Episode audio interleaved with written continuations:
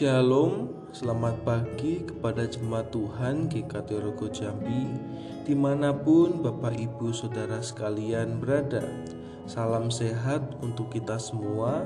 Saya harap Bapak Ibu Saudara sekalian dilindungi dan diberkati Tuhan senantiasa.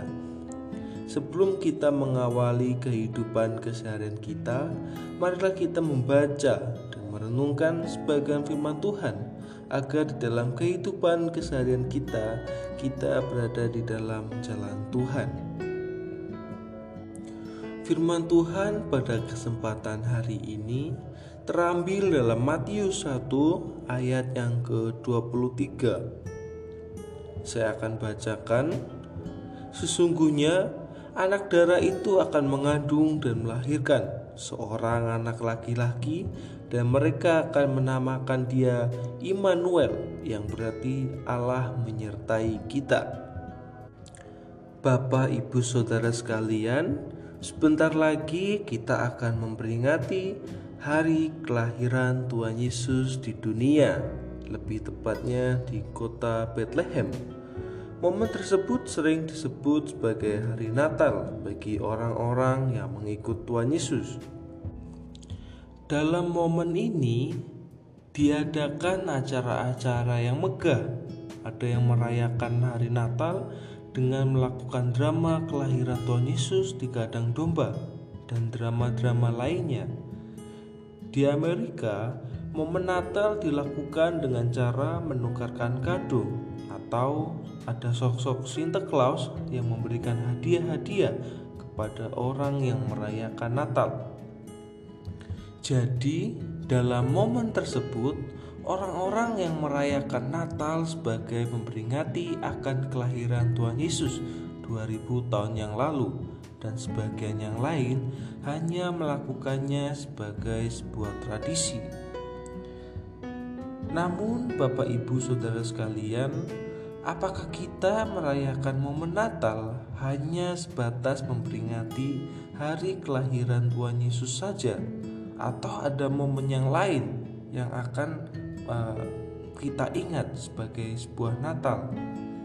Memang benar Tuhan Yesus telah lahir 2000 tahun yang lalu dengan melakukan tugasnya sebagai juru selamat manusia.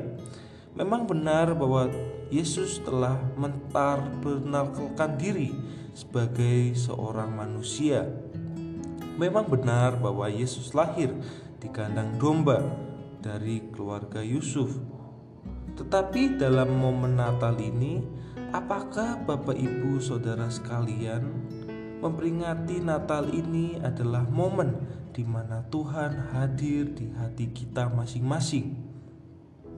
Jika momen Natal hanya memperingati hari kelahiran Yesus 2000 tahun yang lalu, maka momen tersebut hanya melihat secara historis saja tapi jika kita merayakan momen Natal ini sebagai momen hari di mana Tuhan hadir di hati kita masing-masing, maka kita akan merasakan kehadiran Allah di tengah-tengah kita.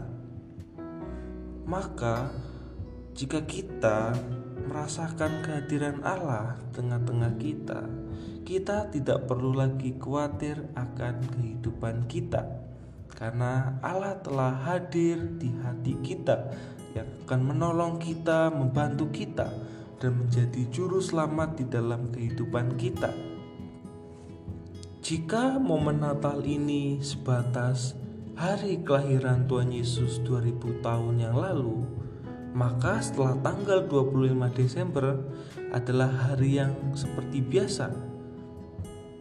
Sedangkan jika memperingati hari Natal sebagai momen di mana hari Tuhan hadir di hati kita masing-masing, maka di hari-hari selanjutnya setelah hari 25 Desember, maka kita akan merasakan Tuhan hadir di tengah-tengah kita dengan demikian, kita akan benar-benar merasakan bahwa Allah telah hadir di tengah-tengah kita.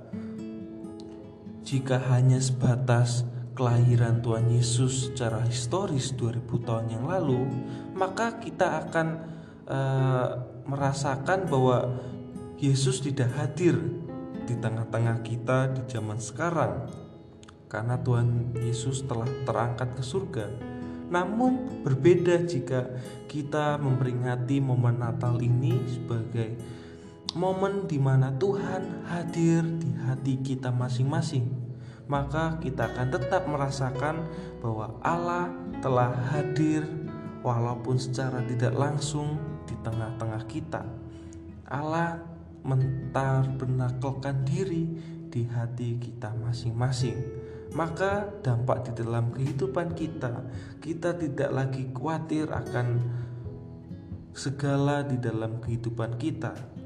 Karena Tuhan telah hadir di tengah-tengah kita yang akan menolong kita, yang akan menopang kita dalam melakukan setiap kehidupan kita di dunia ini.